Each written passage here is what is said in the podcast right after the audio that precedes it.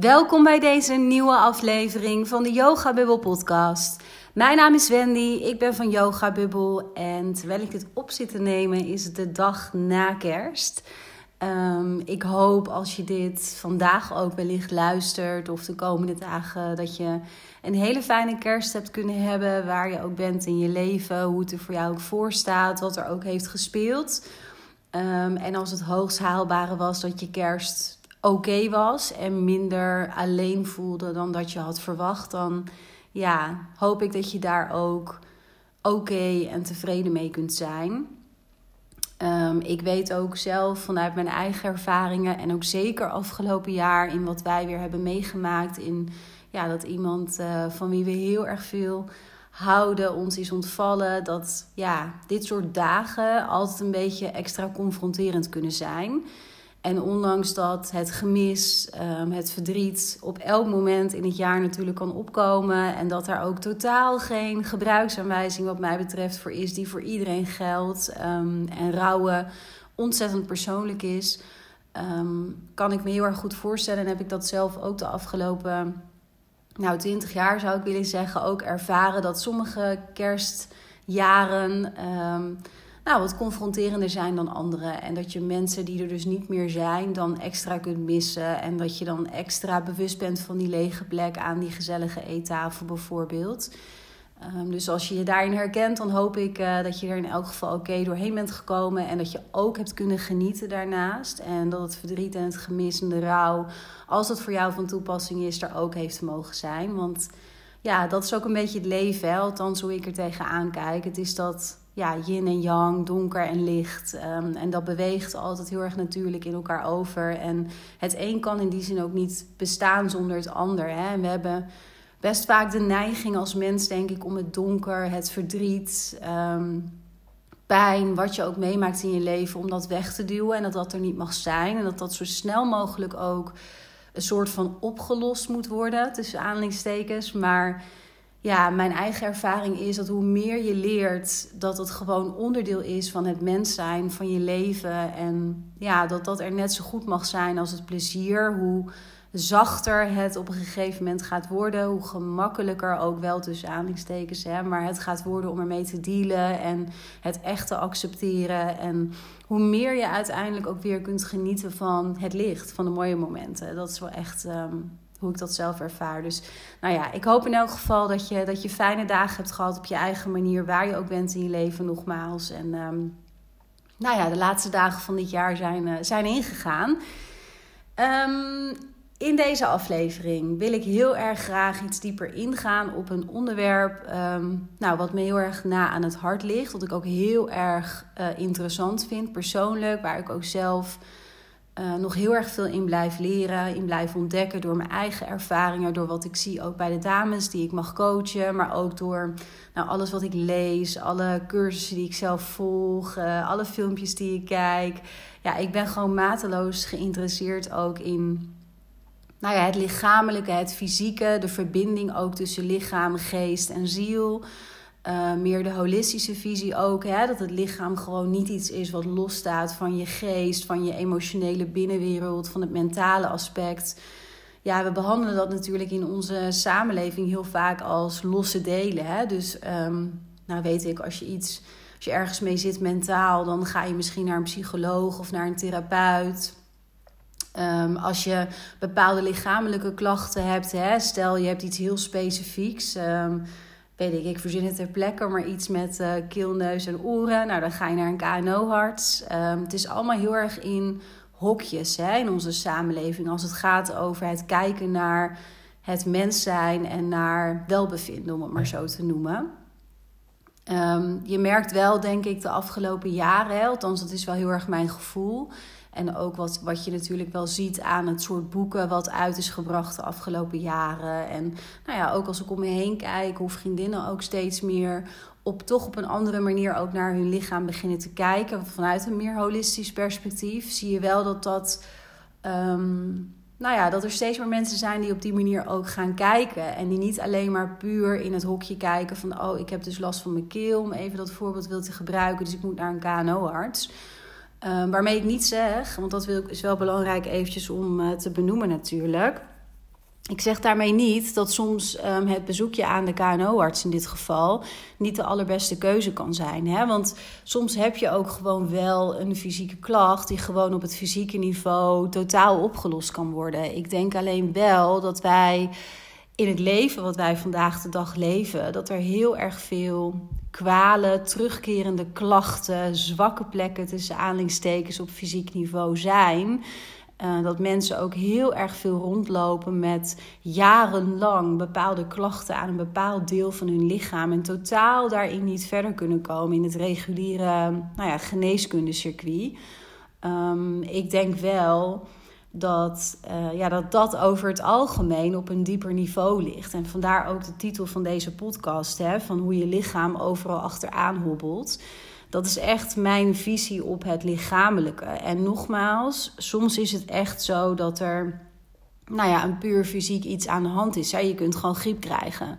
Je kunt gewoon last krijgen van je rug. En dan is het misschien iets eenmaligs of iets wat één keer in de zoveel jaar terugkomt. Dat kan gewoon gebeuren. En ik denk ook echt niet dat je daar dan per se iets diepers onder hoeft te gaan zoeken. Maar ik heb het met name over klachten die steeds terugkeren. Um, waar, je niet soms, waar je niet altijd een oorzaak voor kunt vinden. Misschien ben je daar ook wel regelmatig voor naar allerlei artsen geweest. Ik heb dat bijvoorbeeld zelf uh, meegemaakt. Ik heb echt een hele nou ja, historie eigenlijk gehad tot ongeveer mijn, nou laat ik zeggen, dertigste. Um, en echt al van kleins af aan met ontzettend veel darm- en maagproblemen. Dus als kind heb ik ook vaak maagzweren gehad. Ik, had ook, ik herinner me ook dat ik echt als kleinkind... Um, nou, bijna elke week wel een keer een moment had dat ik gewoon helemaal zo mijn rug moest krommen en mezelf een beetje klein moest maken. Omdat als ik rechtop ging zitten of lopen, dan deed dat in mijn maagstreek gewoon ontzettend veel pijn. En er waren helemaal geen oorzaken voor te vinden. Ik weet dat mijn ouders ook heel veel met mij naar. Um, nou ja, naar artsen zijn geweest om mijn maag, mijn darmen te laten onderzoeken. Ik kon ook bepaalde dingen heel slecht verteren qua eten. Er kwam nooit echt wat uit. En later ben ik daar wel een beetje overheen gegroeid. Maar ik herinner me wel dat ik altijd periodes heb gehouden. waarin het dan weer heel erg opspeelde. En dat ik ook dan weer bijvoorbeeld heel erg darmonderzoeken liet doen. Um, ze dachten ook hele lange tijd dat het misschien toch de ziekte van Crohn was. Maar dan konden ze dat toch weer niet vaststellen. Dus dat was het toch niet. En ik had toen ook al wel, dat weet ik nog wel, um, zeker in begin 20, toen ik begin 20 was, um, had ik ook heel erg een fascinatie voor um, nou ja, op een ander niveau te gaan bekijken van wat zou er aan de hand kunnen zijn. Ook kwam dat wel een beetje uit wanhoop. Want als je op een gegeven moment zoveel last hebt van je darmen, in mijn geval. Maar hoor hier wat voor jou van toepassing is. Hè? Want het kan je rug zijn, het kan je hoofd zijn, nou ja, het kan van alles zijn. Um, nou, op een gegeven moment wil je daar wel alles voor doen om daar natuurlijk vanaf te komen. En ik had ook van alles geprobeerd met allerlei dingen, diëten en dingen niet meer eten, zeg maar. En ik, mijn hele leven heb bijvoorbeeld ook al slecht tegen lactose gekund. En of ik dat nou echt intolerant ben of niet, dat denk ik overigens niet. Maar ik ben me altijd al heel erg bewust geweest van wat ik in mijn mond stop. Dus op een gegeven moment kreeg ik daar ook een soort van nou, geen goede focus op. Omdat ik nog gezonder wilde gaan eten. En nog meer dingen wilde gaan uitsluiten. En eigenlijk had dat nul effect. Want een jaar later had ik bijvoorbeeld weer heel veel problemen. En dan was het weer een tijdje weg. En dan kwam het weer. Nou, het was een beetje zo'n zo'n golfbeweging ook. Um, en ik weet dus nog dat ik in het begin van mijn twintiger jaren voor mezelf begon op te schrijven van wanneer krijg ik vooral die klachten. En toen heb ik voor het eerst, dat weet ik nog heel goed, de link gelegd tussen dat ik dan bijvoorbeeld bepaalde stress uh, ervaarde en dat ik daarna dus heel veel last kreeg, een paar dagen later, van mijn darmen, van mijn buik, van mijn maag. Um, ik heb er alleen daarna niks meer mee gedaan. Want daarna nam het leven het over en ben ik dat een soort van, nou ja, selectief denk ik vergeten. Sorry. En um, ja, het leven nam het gewoon weer over. En het was eigenlijk pas uh, vanaf mijn dertig, uh, zeg maar, zo'n beetje, dat ik in een andere fase van mijn leven terecht kwam. Nou ja, als je meer afleveringen hebt beluisterd van mijn podcast, dan weet je dat ik uh, ja, zo ongeveer vanaf mijn 32e een enorme persoonlijke groei door heb gemaakt. Um, heel veel dingen ook nog aan te kijken had vanuit mijn verleden. Nou ja, gewoon heel veel wat er heeft gespeeld. En parallel daaraan liepen dus ook mijn fysieke klachten, mijn darmen en mijn maag. En ik begon ook op dat moment echt te beseffen dat heeft alles te maken met dat ik al die jaren een leven heb geleefd dat eigenlijk helemaal niet zo heel erg van mij was. En waarin ik mezelf niet heb geuit in wat ik voelde, in wat ik van dingen vond. Ik heb heel vaak ook uh, mijn eigen mening, mijn eigen gevoelens, mijn eigen emoties, mijn eigen pijn, die heb ik gewoon letterlijk ingeslikt. En nou, nou ja, zie daar ook de holistische, ja, hoe zal ik zeggen, het holistische uh, lijntje voor mij. Met, met letterlijk dus ook het niet verteren van mijn eigen emoties en van mijn eigen mening, van mijn eigen waarheid. Nou ja, dat uitte zich vervolgens in heel veel maag- en darmklachten. En misschien denk je nu, hmm, klinkt interessant, maar ook een beetje zweverig. Nou ja, dat kan, dat dat voor jou uh, zo is. Ik voelde echter um, ja, in die fase heel duidelijk van daar heeft dat alles mee te maken. En daarna kwam het bewijs voor mij ook. Want in de jaren die zeg maar volgden. En die tijd waarin ik zo door alles heen ging en echt dingen losliet. En nou ja, echt ging ontdekken wie ben ik eigenlijk en hoe wil ik leven? Wat zijn mijn waarden? Wie ben ik als Wendy? Los van dat ik altijd maar uh, alles zo goed mogelijk voor anderen wil doen. Uh, parallel daaraan ging ik me dus ook veel meer uiten. En ging veel meer voor mezelf durven staan. En veel meer mijn waarheid spreken. Veel meer ook mijn gevoelens van me afpraten, schrijven, wat dan ook. En wat gebeurde daar? Mijn klachten verminderden echt enorm. Ik had ze nog wel, maar veel minder dan voorheen, dan in al die jaren het geval was geweest. En nu ben ik sinds, nou ik zou zeggen, een jaar of twee, drie, ben ik eigenlijk helemaal klachtenvrij. Echt helemaal. En ik heb echt de eerste 30 jaar van mijn leven daar ontzettend veel last van gehad. Wat wel zo is, is op het moment dat ik bijvoorbeeld. Um, laat ik even eerst iets anders zeggen. Het is voor mij wel zo dat het nog steeds een, een plek is. Ik zie het niet als een zwakke plek, want het is een hele krachtige plek. Voor mij zullen mijn maag en mijn darmen altijd een hele belangrijke indicator zijn. Uh, op het moment dat ik daar last van begin te krijgen, dat, dat ik ergens te weinig zorg voor mezelf heb gehad of me niet eerlijk heb uitgesproken. Nou, ik heb ergens niet in alignment, zeg maar, geleefd in de dagen daarvoor, de weken daarvoor. Um, dus het is niet zo, want ik zeg wel dat ik 100% klachtenvrij ben, maar dat, dat is ook niet helemaal waar. Want heel af en toe kan het wel eens omhoog komen, maar echt in een ongelooflijk veel mildere vorm dan ik ooit in mijn leven natuurlijk heb gehad tot die, tot die eerste 30 jaar van mijn leven. Dus dat staat totaal niet in verhouding. Maar wat ik dan nu ook meteen weet, is dat als ik dus even iets in mijn maag of mijn darmen voel, dat ik meteen een stap naar achter doe, omdat ik me realiseer dat het te maken heeft met dat ik ergens gewoon geen goede keuzes voor mezelf heb gemaakt. En dat het belangrijk is dat ik echt even rust ga pakken, dingen ga doen voor mezelf, um, van me af ga schrijven. En altijd komt dan het antwoord waardoor dit is gebeurd en dan is het weer weg. Dus. Um, ja, voor mij is dat uh, een hele reis geweest, maar een enorm bewijs ook in dat um, ons lichaam eigenlijk overal vaak een beetje achteraan hobbelt als het gaat over terugkerende tussen aanleidingstekens vage klachten waar fysiek eigenlijk nooit een oorzaak voor wordt gevonden. En vandaag de dag, hè, om het nu wat breder te trekken, zijn er natuurlijk super veel mensen die, die datzelfde hebben als ik had. Dus met je maag en je darmen. Maar denk ook aan mensen die migraine hebben terugkerend. Of waar het één keer in de zoveel tijd enorm in de rug kan schieten, bijvoorbeeld. Hè. Je kunt zoveel verschillende dingen.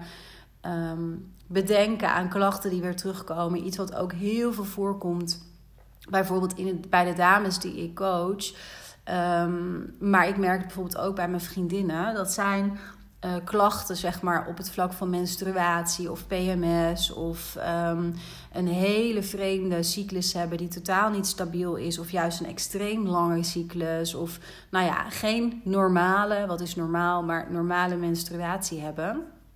Daar ook heel veel weerstand vaak op voelen. Hè? Dat zie je ook heel vaak. Nou, dat zijn ook klachten die in mijn beleving alles te maken hebben met dat je te veel op je mannelijke energie aan het leven bent. Dat je geen respect hebt voor je lichaam. Dat je het moeilijk vindt om jezelf rust te gunnen, je over te geven aan dingen, uh, om hulp te vragen. Gewoon veel meer in die vrouwelijke energie, in dat ontvankelijke te stappen. En. Um, ik snap dat er mensen zijn die hier weinig mee kunnen. Hè? Het feit dat jij tot hiertoe deze aflevering luistert, geeft me aan dat jij niet een van hem bent en hier wel geïnteresseerd in bent. Ehm, om daar je verder in te verdiepen. Ehm, maar voor mij persoonlijk is dit zo waar. Net zoals dat heel veel andere dingen die wel heel ook feitelijk zijn voor andere mensen ook waar zijn. Ehm, het lichaam is gewoon, zit zo ongelooflijk bijzonder en krachtig en ja, uniek voor jou als persoon, als ziel, als individu in elkaar. Het is gewoon in mijn beleving ook totaal niet mogelijk dat het lichaam losstaat van je geest, van je emoties, van je mentale beleving. En soms um, heeft je ziel, ik noem het maar even je ziel, je geest, het is even welke naam je het geeft, maar ik noem het even je ziel. Soms heeft je ziel geen andere optie meer dan aan een soort van handrem te trekken, een noodrem, omdat je maar niet wil luisteren. Um, en dat klinkt een beetje hard, maar dat is wel wat het is, heel vaak. Um, ik kan er niet veel en wil er niet veel over in detail treden. Maar ik heb bijvoorbeeld ook op dit moment een dame in mijn coachingstraject zitten. En um, ja, haar leven is erg turbulent. Um, op emotioneel vlak met name ook. Hè? En ook zeker mentaal vlak. Want dat heeft er in haar geval ook alles mee te maken.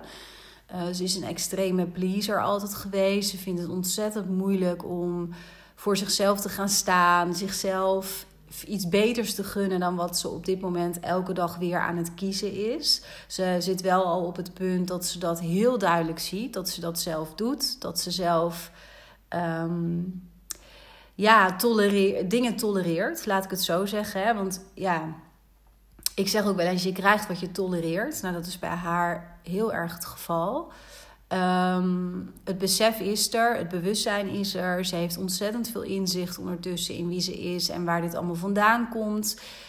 Um, dat heeft ze op een bepaalde manier ook al wel los kunnen laten. Alleen in het hier en nu um, is het voor haar nog heel erg moeilijk om die keuzes daar, daar uh, om haar keuzes zeg maar daarmee in lijn te brengen met haar bewustzijn en haar inzichten. Omdat ze toch nog uh, te bang is om ja, los te laten, haar oude leven los te laten, de identiteit die daar omheen hangt ook los te laten. Echt te geloven dat ze daarop mag vertrouwen, hè, op haar intuïtie, wat, wat haar gewoon altijd al uh, van de juiste informatie heeft voorzien. Maar goed, los even van dit inhoudelijke stuk, wat er bij haar nu gebeurt, is dat er om haar heen begint het steeds meer te stormen. Uh, want ze heeft namelijk alle kennis, alle inzichten, alle bewustzijn. Ze durft alleen die keuze nog niet in de realiteit te zetten. De grote keuze waar dit om gaat, maar er zijn meerdere keuzes die ze te maken heeft. En ook in mijn eigen ervaring persoonlijk, op een bepaald punt, dan gaat het steeds harder om je heen stormen. Dan wordt er steeds meer van je gevraagd, dan wordt er steeds meer een appel op je gedaan gaan mensen steeds lelijker bijna tegen je doen, zodat jij gedwongen wordt om op te staan voor jezelf. Nou ja, dat soort elementen. En dat zie ik bij haar al twee weken. Ik heb haar dat ook aangegeven. Um, denk daar eens over na. Hoe kijk je daarna? Het is echt belangrijk dat je voor jezelf ja, een moment gaat vinden om die keuze te maken. Wat meer informatie ga je op dit niet krijgen. En of je nou links of rechts kiest, zeg ik ook altijd. Hè? Want het is nooit aan mij om die keuze te bepalen. Natuurlijk niet. Dat kan iemand alleen maar voor zichzelf doen. Ik zal ook nooit zeggen, je moet links of je moet rechts. Maar ik zeg wel, het is nu het moment om links of rechts te kiezen. En wat je ook kiest, is allemaal goed. Maar het is wel belangrijk om een keuze te gaan maken. In plaats van in zo'n soort van twilight zone te blijven leven. Um, maar wat er nu is gebeurd, is dat het lichamelijke bij haar heel onverwachts begint op te spelen. Dus we hadden hier denk een week of twee een gesprek over. Toen zei ik tegen haar van let op, hè, ik, zie, ik zie dat er heel veel dingen om je heen bewegen. Ik zie dat het allemaal heel zwaar is en heel vreselijk en heel moeilijk. Um, maar als je heel even probeert een stap naar achter te doen en in het grotere plaatje te zien, dan past dit heel erg in het proces, in het moment waar jij nu staat. Want je hebt alle inzichten, het bewustzijn, de kennis. En jij weigert eigenlijk zelf om een keuze te maken, omdat je het gewoon nog eng vindt. En dat is heel logisch, dat zeg ik niet, dat het niet moeilijk is en logisch. Ehm, maar je zult nu gaan merken dat om je heen er steeds meer gaat gebeuren. Dat het steeds duidelijker voor je wordt. Ehm, dat je niet in de juiste situaties meer voor jezelf zit. En dat je jezelf eigenlijk helemaal naar de Filistijnen helpt, om maar zo te zeggen. Want dat is gewoon uiteindelijk wat, wat zij doet. Door zichzelf de hele tijd klein te maken en zichzelf weg te cijferen.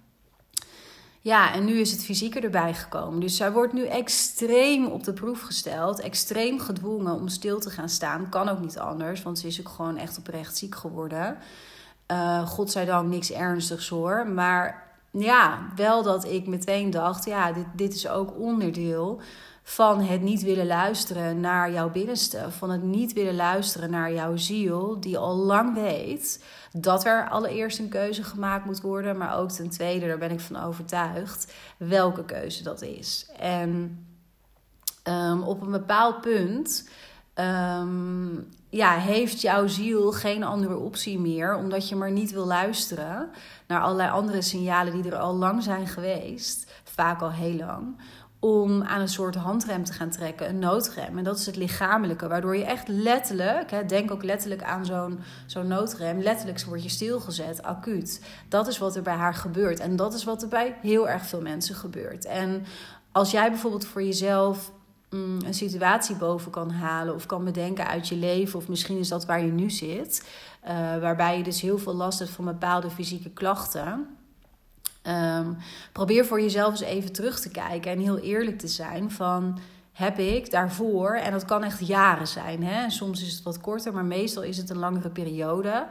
Uh, en dan niet consequent natuurlijk, want anders had je inderdaad wel sneller waarschijnlijk voor jezelf gekozen, op welke manier dan ook. Maar vaak komt dat een beetje in golven. Dus je leven loopt eigenlijk best wel prima. En dan heb je weer zo'n periode waarin dat wat minder gaat. En je, nou ja, wel aanvoelt dat je niet helemaal aligned bent met wat voor jou goed voelt, om het zo te zeggen. Maar probeer voor jezelf eens terug te kijken, nogmaals, en te reflecteren van waaraan heb ik gemerkt dat het eigenlijk met mij niet zo heel erg goed gaat? Wat heb ik eigenlijk stelselmatig soms ook genegeerd? En dat kan op emotioneel vlak zijn, gevoelens. Het kan zijn dat je je niet hebt uitgesproken. Het kan zijn dat je dingen hebt weggestopt uit schaamte, uit schuldgevoel.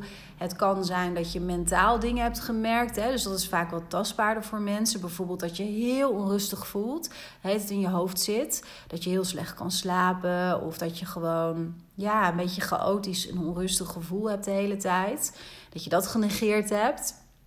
Dat je nog harder bent gaan rennen om dat maar niet te voelen. Nou ja, voor elk mens is dit anders. Maar het is echt heel erg vaak zo dat die signalen er heel erg zijn geweest. Maar dat je die gewoon genegeerd hebt. En niet altijd ook bewust. Hè? Soms wel heel bewust en expres. Maar ook heel vaak ehm, ben je in zo'n tempo überhaupt al aan het leven. Dat je ook soms dat soort dingen niet opmerkt. Als ik bijvoorbeeld naar mezelf kijk, dan zijn er voor mijn dertigste levensjaar zijn er ongelooflijk veel signalen geweest die ik heb genegeerd. Maar um, ik denk dat 80% van die signalen, die heb ik wel opgemerkt, maar op een heel oppervlakkig niveau. En door met mijn leven. En het volgende erbij. En dit en dat. En links en rechts. Ik was me daar gewoon niet heel erg bewust van. Dus het kan ook zijn dat je daarvoor even wat meer moet graven. En moet onderzoeken bij jezelf. Van oké, op welke momenten um, zijn er bepaalde dingen dan wel opgepopt bij me? Of had ik ergens last van? Op welk niveau dan ook? Um, en heb ik dat misschien toch onbewust inderdaad genegeerd? Nou, de bottom line is gewoon dat voor mij althans dat um, ja, lichamelijke uh, klachten, fysieke klachten, waar geen fysieke oorzaak voor wordt gevonden of voor is. Um, en die regelmatig bij je terugkomen. En wat jij misschien betitelt als een zwakke plek, dus tussen aanhalingstekens, dat dat eigenlijk zonder uitzondering in mijn optiek een gevolg is en niet de oorzaak. Dat is misschien wel de essentie van het holisme. Het lichamelijk is een gevolg, heel vaak. En het is niet de oorzaak zoals we het wel vaak behandelen. Dus bijvoorbeeld, hè, um, weet ik, je hebt migraine of zo. Dus je neemt uh, bepaalde pilletjes daarvoor. En dan is het weer voorbij. En dan ga je weer verder met je leven. Totdat er weer een nieuwe golf komt. Ook hiervoor geldt, hè, begrijp me niet verkeerd. Ik ben niet tegen medicatie of zo. Ook niet in dit geval. Daar ben ik niet per se tegen. Ik kan me heel goed voorstellen dat het op de korte termijn um, je echt even ergens doorheen kan trekken. Het is alleen niet zo dat de, mensen, de, um, hoe heet dat, de migraine uh, uiteindelijk zeg maar um, de oorzaak is van jouw problemen. Het is het gevolg in mijn beleving. Dus heel vaak zie je bij mensen die migraine hebben dat die um, nou, extreem aan het overleven zijn. Dus heel erg standje overleven staan, altijd maar aanstaan, altijd maar doorrennen. Heel erg vanuit hun hoofd leven. Echt heel erg vanuit hun hoofd leven. En ook hiervoor geldt, hè, zoals ook bij mij met darmen. Het is misschien niet zo dat de migraine ooit helemaal gaat verdwijnen als je daar echt mee aan de slag gaat. En zeker niet meteen, hè, want dat kan soms jaren kosten voordat je echt daar grotendeels van af bent. Dat heb ik ook ervaren met mijn darmen en mijn maag. Ik bedoel, dat heeft 30 jaar zo kunnen zijn. Het heeft echt tijd gekost voordat dat echt um, opgelost was.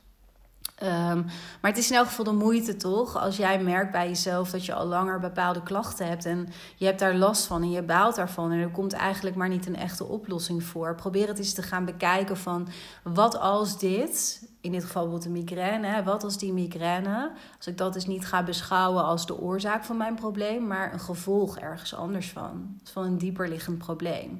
Wat zou dat dan kunnen zijn? En hoe kan ik daar dan stap voor stap keuzes in gaan maken om eens te onderzoeken voor mezelf met alle geduld en alle tijd die ik daarvoor heb, of dat me gaat helpen? Hetzelfde geldt dus voor darmen, hetzelfde geldt voor je rug, hetzelfde geldt nou ja, voor heel veel vage tussen aanleidingstekens klachten, waar heel erg veel mensen vandaag de dag helaas last van hebben. Uh, maar probeer het eens wat meer te gaan beschouwen als een um, ja, als een gevolg van iets anders. En stel jezelf de vraag: waar zou dit dan een gevolg van kunnen zijn? Hè, en tot slot als disclaimer wel eventjes: is natuurlijk gewoon ontzettend belangrijk dat. Um, je zeker weet dat er fysiek niets aan de hand is. Dus ik ben sowieso ook altijd een voorstander van um, ja, wel even laten onderzoeken of er niet echt ook daadwerkelijk iets fysieks ernstigs aan de hand is. Want dat is altijd belangrijk. En we hebben een ontzettend goede uh, geneeskunde hè, natuurlijk hier in het Westen. Uh, zeker als het gaat over de acute zorg. Um, dus laat je wel goed checken. En misschien is het ook een idee, hè, puur eventjes van hoe ik dat zelf ook doe. Wij zijn in Nederland uh, en natuurlijk in heel veel Westerlanden heel erg altijd uh, bezig met gezondheid en met klachten uh, door er een beetje achteraan te lopen. Dus op het moment dat we ergens last van hebben, gaan we pas naar de dokter. En in het oosten Mm, en dat heeft mij heel lang geleden al tijdens een van mijn eerste reizen die ik daar naartoe maakte heel erg geïnspireerd. Omdat ik in India was en daar um, nou ja, meer leerde over Ayurveda. Hè? Dat is de Indiaanse geneeskunde. Hoe ze dat daar toepassen. Dat is veel preventiever eigenlijk van aard. Dat heeft mij toen al heel erg gegrepen. En vanaf dat moment heb ik ook de keuze gemaakt om voor mezelf veel meer op een preventieve manier naar mijn gezondheid te kijken. Dus dat betekent bij mij bijvoorbeeld concreet dat ik bijna elk jaar een uitgebreid bloedonderzoek laat doen. Dat ik ook, nou niet elk jaar, maar Um, om het jaar misschien ook naar een ortomoleculair um, therapeut, voedingsdeskundige ga. Laat ik me ook helemaal doortesten. Ik heb ook een acupuncturiste waar ik één keer na zoveel tijd heen ga. Um, en kies daar iemand voor wat bij jou past. Hè? Maar ik bedoelde maar mee te zeggen om je een beetje ook te inspireren om ook naar je lichaam en gezondheid in bredere zin.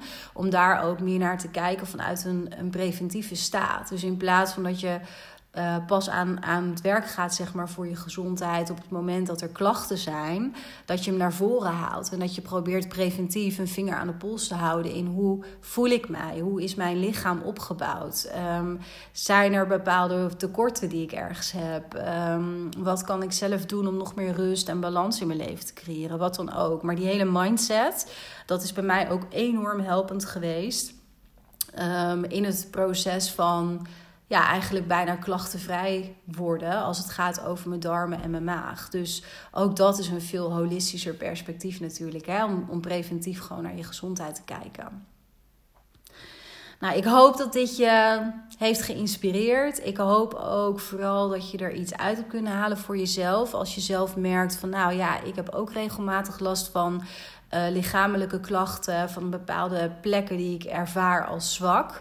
Nou, probeer dat eens te gaan zien als sterk, want dat zijn de plekken waar je ziel, je geest ergens dus aan de noodrem probeert te trekken. Dus op wat zou het je kunnen vertellen? Je kunt er ook heel veel trouwens online over vinden. Hè? Dus um, echt direct ook linkjes tussen je fysieke klachten en ja, waar het eigenlijk op een ander niveau voor zou kunnen staan. Dus wat ik bijvoorbeeld vertelde over uh, darmklachten, hè, die zijn heel vaak gelieerd aan het slecht verteren van je emoties, niet uiten van je emoties of juist te snel willen gaan in het leven, uh, dat soort dingen.